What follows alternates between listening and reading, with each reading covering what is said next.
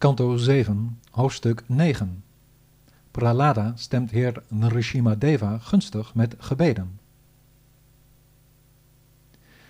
Narada Muni zei tot Yudhishthira: Geen van de Sura's, aangevoerd door Brahma en Shiva, kon naar voren treden, omdat hij, kokend van woede, zeer moeilijk te benaderen was. De godin van het geluk, die er persoonlijk door de halfgoden toe werd aangespoord, kon zich niet in zijn richting bewegen, omdat ze zeer bang was nadat ze hem zo groots en wonderbaarlijk had waargenomen als nog nooit iemand eerder hem gehoord of gezien had. Heer Brahma verzocht toen Pralada, die vlak bij hem stond, Mijn beste zoon, zou je alsjeblieft naar de Heer toe kunnen gaan om hem gunstig te stemmen? Hij is namelijk zeer kwaad over wat je vader heeft gedaan.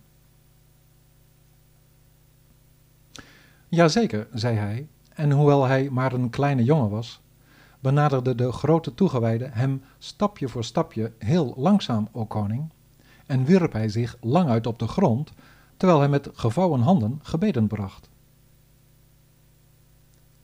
De godheid was door hem, zo'n kleine jongen, neergevallen aan zijn lotusvoeten, hoogst ontroerd en vol van genade, hief hij zijn lotushand, plaatste die op zijn hoofd en verdreef de angst voor de slang van de tijd uit de geesten van allen daar aanwezig. Vanwege die aanraking werd hij schoongewassen van alle kwaad. In deze omgang met de superziel smolt aan zijn lotusvoeten zijn hart terstond in gelukzaligheid. Met hem in zijn hart welden de tranen op in zijn ogen en manifesteerden zich tekenen van extase over heel zijn lichaam. Met zijn geest eenpuntig, hoogst geconcentreerd en met een van liefde haperende stem begon hij, in de volle overgave van zijn hart en geest, gebeden voor de Heer op te zeggen. Sri Pralada zei: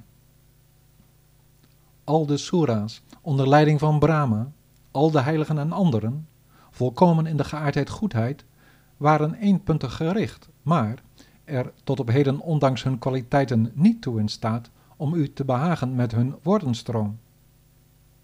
Hoe kan u, als deze Heer, nu tevreden zijn met mijn woorden? Ik werd geboren als een Asura. Ik denk dat rijkdom, een goede geboorte, een fraai lichaam, boetvaardigheid, Vedische kennis, talent, energie, invloed, kracht, ijver, intelligentie en mystiek vermogen helemaal niet zullen bevredigen. De geest vindt zijn bevrediging door bhakti, precies zoals de Allerhoogste Heer werd behaagd door Gajendra, de olifant. Een geschoold iemand die zich behept met deze twaalf eigenschappen niet bekommert om de lotusvoeten van hem uit wiens navel de lotus ontsproot, beschouw ik niet zo gezegend als een man van lage komaf die zijn geest, woorden, wilde, leven en alles wat hij doet aan hem wijdt. Hij immers zuivert daarmee zijn familie, zijn gemeenschap of zelfs zijn hele soort, in tegenstelling tot iemand die te veel met zijn verstand bezig is. Welke respect een onbewust iemand ook toont voor de innerlijk altijd tevreden Allerhoogste Heer, aanvaardt hij genadevol, niet zozeer voor zijn eigen heil, als voor het heil van de toegewijde in kwestie, net zoals de weerkaatsing in een spiegel er is voor de heerlijkheid van iemands eigen gezicht. En daarom zal ik, vrij van dat idee van ongeschikt zijn in volle overgave aan de Heer, naar mijn beste kunnen en inzicht me richten op Zijn heerlijkheid, hoe laag geboren ik ook ben. Als men onwetend deze wereld heeft betreden, kan men, om gezuiverd te raken, het best Zijn heerlijkheid beschrijven en bezingen. Allen die uw opdrachten naleven, zoals Brahma en de andere halfgoden, verkeren natuurlijk steeds in goedheid, o Heer. Maar wij, de Asura's, zijn niet zoals zij en verkeren steeds in angst. We zouden moeten weten dat de incarnaties van uw heerlijkheid in deze materiële wereld er zowel zijn voor het bevorderen van uw bescherming als voor het geluk van de ziel. Wees daarom niet langer vertoornd over de Asura die u vandaag doden. Zelfs de heiligen zijn er gelukkig mee als een schorpioen of slang gedood wordt. De waarheid is dat al de werelden hersteld zijn en blij over wat er gebeurd is, en dat al hun bewoners uw gedaante zullen herinneren als degene die hun angst heeft verdreven. Zelf ben ik niet bang voor uw angstwekkende mond, tong, vuurschietende ogen en vertrokken gezicht, o onoverwinnelijke, voor uw sterke bloeddorstige tanden of slingeren van ingewanden en bloederige manen, voor uw gespitste oren, uw gebrul, dat zelfs de olifanten angst aanjaagt, of de nagels die de vijand doorboorden. Maar ik ben wel bang, o genadevolle, zorgzame vader, voor de onverdraaglijke, naargeestige herhaling van geboorte en dood, voor de ellendige omstandigheid te moeten leven tussen de roofdiermensen en voor het gebonden zijn aan de handelingen en terugslagen van het karma, o onoverkomelijke. Wanneer roept u, tevreden over mij, maar aan de basis van uw voeten, die de toevlucht vormen in deze oceaan van materie? Omdat men zijn geboorte neemt, is men in zijn aangename, dan wel minder aangename bestaan van verenigd zijn met de wereld, gescheiden van u, en moet men branden in het vuur van de treurnis, ongeacht het lichaam waar men in verkeert. Bovendien heeft men net zo goed te lijden onder de remedies tegen deze misère als onder de ellende zelf van het aanzien van het lichaam voor het ware zelf. Ik, o allergrootst wezen, dol rond in dit bestaan. Alsjeblieft, zeg me hoe ik in uw yoga dienstbaar kan zijn. Door steeds weer te luisteren naar de verhalen over uw doen en laten als de weldoener en allerhoogste godheid, o Nrishima, zal ik zonder moeite de oceaan van de materie oversteken en vrij zijn van de besmetting door de basiskwaliteiten van de natuur. In de omgang met de bevrijde zielen zal ik met uw twee voeten als mijn thuishaven bevrijding vinden van alle ellende. Al de zaken waar u geen belangstelling voor heeft, maar die in deze wereld gekoesterd worden door hen die in een lichaam zijn opgesloten, vormen slechts de schijn van een remedie. Het ouderschap waar een klein kind zijn toevlucht in zoekt, o Nrishima, het medicijn dat een patiënt nodig heeft, de reddingboot voor een persoon die verdrinkt in de oceaan, of de tegenmaatregelen die men neemt om het lijden onder een bepaalde materiële toestand te bestrijden, o Almachtige, vormen allen slechts tijdelijke oplossingen. Welke omstandigheid het ook betreft, wat de reden ook mogen zijn, welke tijd het ook mogen wezen, waardoor dan ook, of in verhouding tot wat dan ook, waar dan ook door veroorzaakt, of terwille waarvan dan ook, op welke manier dan ook of van welke aard ook iets mag zijn, is zeker allemaal slechts een andere verschijningsvorm van de allerhoogste werkelijkheid. Met andere woorden, in de natuur treft men als gevolg van allerlei veranderingen een specifieke vorm van gescheidenheid aan, maar welke vorm die ook aanneemt, het betreft altijd een manifestatie van uw energie, o Heer. Het illusoire van de materie schept een geest die de bron vormt van moeilijk te beheersen baatzuchtige handelingen ofwel karma. Deze handelingen zijn geconditioneerd door de tijd die de drie geaardheden van de natuur in beroering brengt en die door de persoon op een bepaalde manier wordt gerespecteerd. Al dus verslagen door de uitnodigende maar begoochelende materie krijgt men te maken met de zestien spaken van de waarnemende en handelende zinnen, de elementen en de geest, van het rad van wedergeboorte, o ongeborene. Wie kan hier anders dan op uw manier nu uitkomen? U bent dat ene element van de tijd waaraan de ziel, verslagen door de basiskwaliteiten van uw heerschappij, altijd en eeuwig is overgeleverd. Ik hier aanwezig, als een vorm van materiële energie, die in al zijn verzakingen en verschijningsvormen bepaald wordt door uw cyclische controle, sta daar machteloos tegenover, o Heer en Meester. Ik word geplet onder het wiel met de zestien spaken. Alsjeblieft, red me hieruit, o Almachtige. Ik heb me geheel aan u overgegeven. O Almachtige, ik heb gezien dat mensen over het algemeen de levensduur, wilde en glorie van de vrome leiders van de hemel begeren. Maar onze vader, die dit alles voor zichzelf wenste, werd simpelweg met de door hem uitgelokte lach van uw expansie als Nrishima in een oogwenk door u naar beneden gehaald en vernietigd. Daarom wil ik niet zo lang leven als Heer Brahma of rijk en machtig zijn.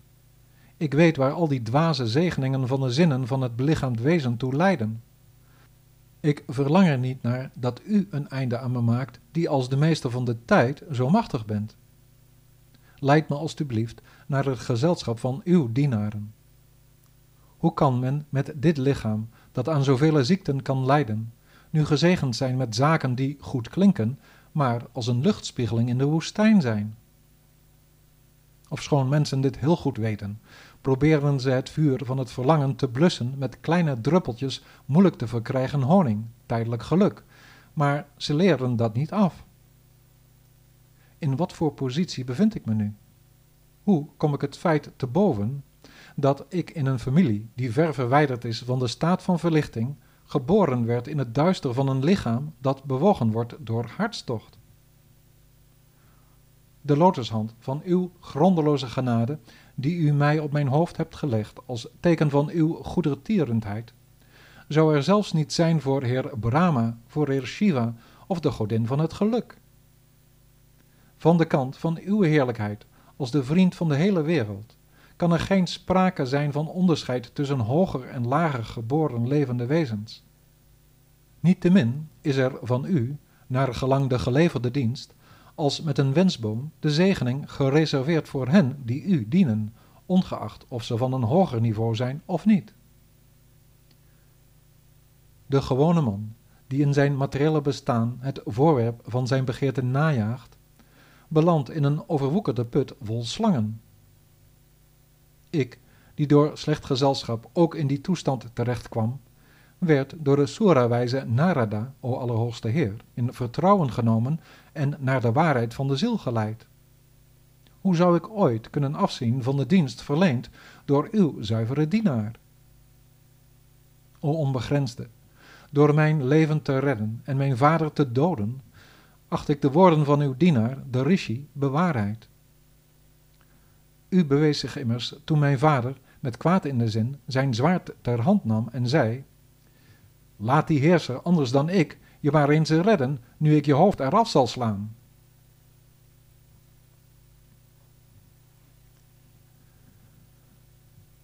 Dit universum, overal om ons heen, vormt de eenheid die u alleen bent.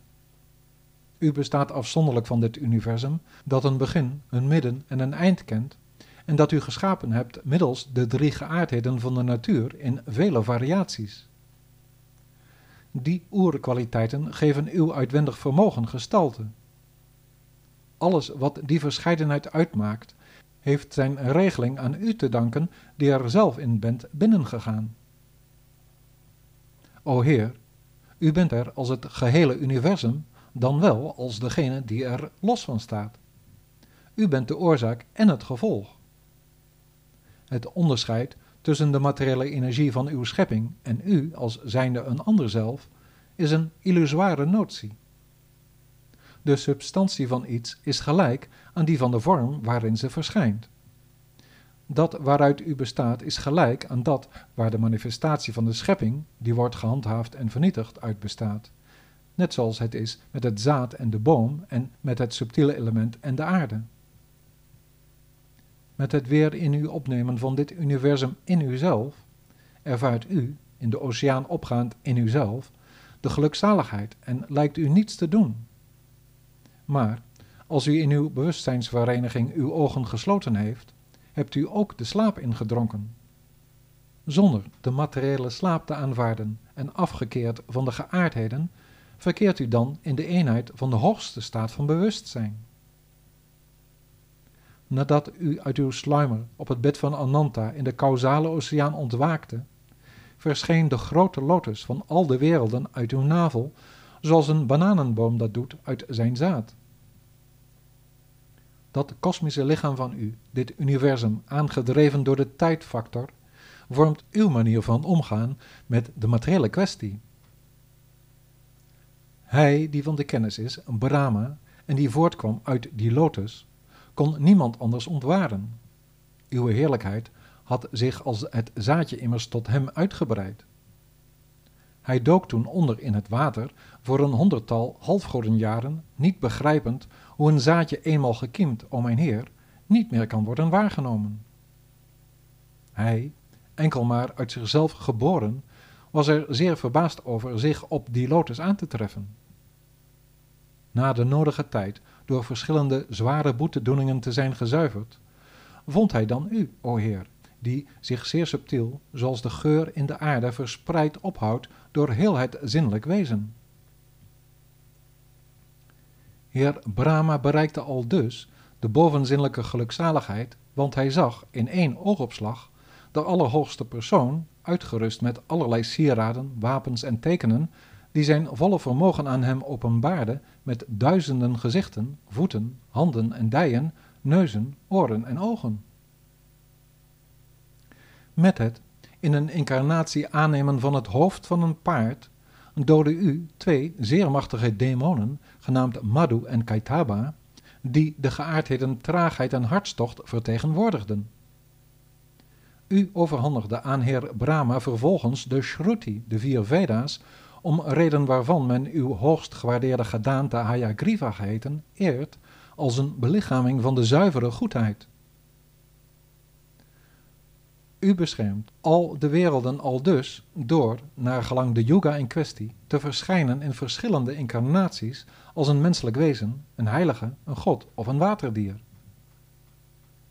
Daarbij doodt u soms de lastpakken van de wereld ter verdediging van het dharma, o allerhoogste persoonlijkheid, maar omdat u in Kali Yuga verhuld optreedt, wordt u, als men over u spreekt als één en dezelfde persoon, Tri Yuga genoemd. Een geest, niet afgestemd op uw bovenzinnelijke verhalen, is ver verwijderd van de Heer van Vaikunta vanwege de zonden waarmee hij sympathiseert en is onzuiver, oneerlijk en moeilijk te beheersen. Vol van verlangens en lusten is die geest vanwege de daarmee samenhangende driften van toppen en dalen, angsten en leed. Zeg me hoe ik, armzalig en gevallen met zo'n geest, uw verheven bedoeling moet begrijpen.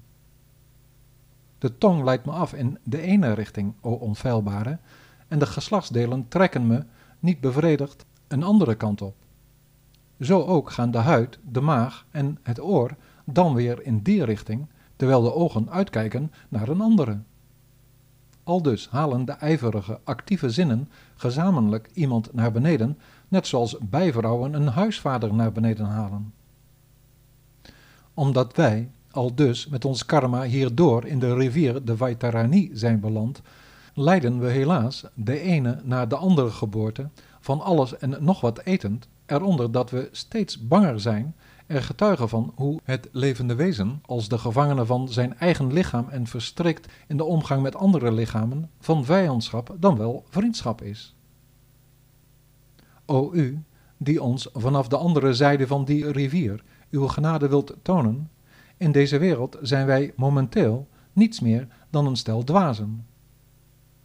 O meester van allen, wij, vriendelijke mensen, willen altijd graag in deze kwestie van dienst zijn. O Allerhoogste Heer, wat staat uw grote mededogen in de weg om ervoor te zorgen dat wij, materialistische dwazen, worden gered van de oorzaak van het steeds maar weer op poten moeten zetten, moeten volhouden en weer de mist ingaan met onze karmische ondernemingen, o vriend van de behoeftigen. O Allerhoogste, omdat mijn geest opgaat in het bezingen en getuigen van uw zoete oceaan van heerlijkheden, ben ik vrij van zorgen wat betreft de moeilijk over te steken Vaitarani, die deze wereld is. Ik maak me eerder zorgen over die dwazen die, verstoken van de bevrijding in het dragen van de last van hun zinsbelang, plannen maken ten gunste van vormen van schijnbaar geluk en schijnbare plichtsbetrachting. O Godheid, doorgaans trekken de heiligen ambitieus uit op hun eigen verlossing in stilte door afgelegen gebieden, zonder bijzonder geïnteresseerd te zijn in hun leven voor het heil van andere mensen. Maar ik wil, niet zoals zij dat doen, mijn medemensen die in ellende verkeren, links laten liggen. Ik verlang de bevrijding niet voor mij alleen. Ik heb er geen vrede mee als ik andere mensen zie ronddolen buiten deze toevlucht van u om. Alles wat met gewoon huishoudelijk seksueel geluk te maken heeft, stelt niet meer voor dan het in je handen wrijven om van de jeuk af te komen. De miserabele persoon raakt met dit soort anti-jeukbevrediging van de seksuele behoeften niet verlost van zijn ongemak en onvrede en is in feite zo de dienaar van allerlei vormen van ongeluk. Pas als men dat soort tijdelijk imaginair geluk herkent en de jeuk weet te verdragen, de noodzaak niet voorbijstrevend, kan men intelligentie, stabiliteit en energie ontwikkelen. Stilte, geloften, Vedische kennis, verzaking, studie, plichtmatigheid, uitleg van de geschriften, alleen wonen, mantra-meditatie en verzonkenheid horen bij het pad van bevrijding, maar vaak maken deze zaken, deze tien activiteiten om geëmancipeerd te raken, deel uit van een vorm van levensonderhoud gepraktiseerd door lieden die hun zinnen helemaal niet de baas zijn, mijn heer. Aldus is het wat dit betreft de vraag of men niet te maken heeft met hypocrisie. Is er geen sprake van een schijnvertoning? De twee vormen van uw bovenzinnelijke oorzaak en materiële effect, zoals uitgelegd in de Veda's, zijn als het zaadje en zijn spruit. Maar u, zonder een specifieke vorm, bent tevens niet één van deze twee vormen.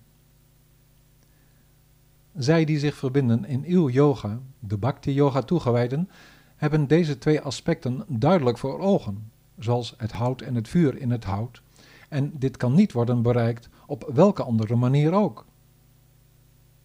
U bent de lucht, het vuur, de aarde, de ether en het water, de zinsobjecten, de levenskracht, de zinnen, de geest, het bewustzijn en al de bijbehorende ondersteunende goddelijkheid. U bent dat alles, die unieke natuur van de basiskwaliteiten, als ook degene voorbij aan alles. O mijn Heer, wat er ook gemanifesteerd is, of zich uitdrukt in de geest en in woorden, het is niemand anders dan U. Nog al de basiskwaliteiten van de natuur, nog de over hun heersende goden, nog het geheel van de kosmische intelligentie, het valse ego, de stoffelijke en subtiele elementen, de zinnen en hun objecten, noch degenen die zo nadenkend zijn in de omgang met al de godsbewusten en de sterfelijke zielen die allen een begin en een einde kennen, o Heer, verheerlijkt door al de heiligen, geen van hen allen is er werkelijk toe in staat dat wat allemaal het uwe is te omvatten, en daarom staken alle intelligente zielen op dit punt hun argument en gaan ze vervolgens over tot uw toegewijde dienst. Daarom bied ik u, o beste van de aanbedenen, mijn eerbetuigingen en doe ik mijn gebeden in de eredienst. Span ik me voor u in, herinner ik mij u, koester ik uw lotusvoeten en luister ik altijd naar de verhalen over u. Hoe kan een persoon zonder u te vereren op al deze zes manieren nu van bhakti zijn voor u, die het doel vormt voor de besten van de transcendentie?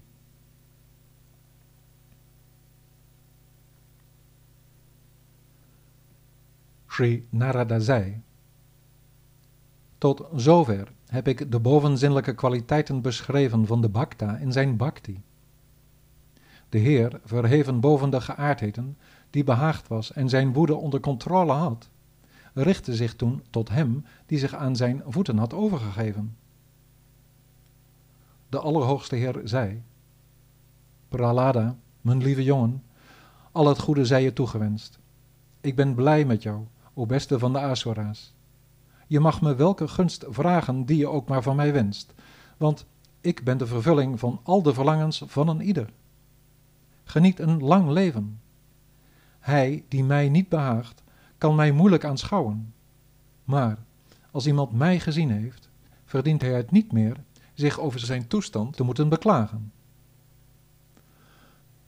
Om die reden, o fortuinlijke, wensen stabiele, intelligente en energieke toegewijden, die zich weten te gedragen en het beste wensen voor een ieder, het om mij, de meester van alle zegeningen, in ieder opzicht te behagen. Sri Narada zei. Maar ondanks dat hij verlokt werd tot wereldse zegeningen, wilde de beste van de Asura's niets van dat alles waar men zo naar verlangt. Hij wilde alleen maar de Allerhoogste Heer.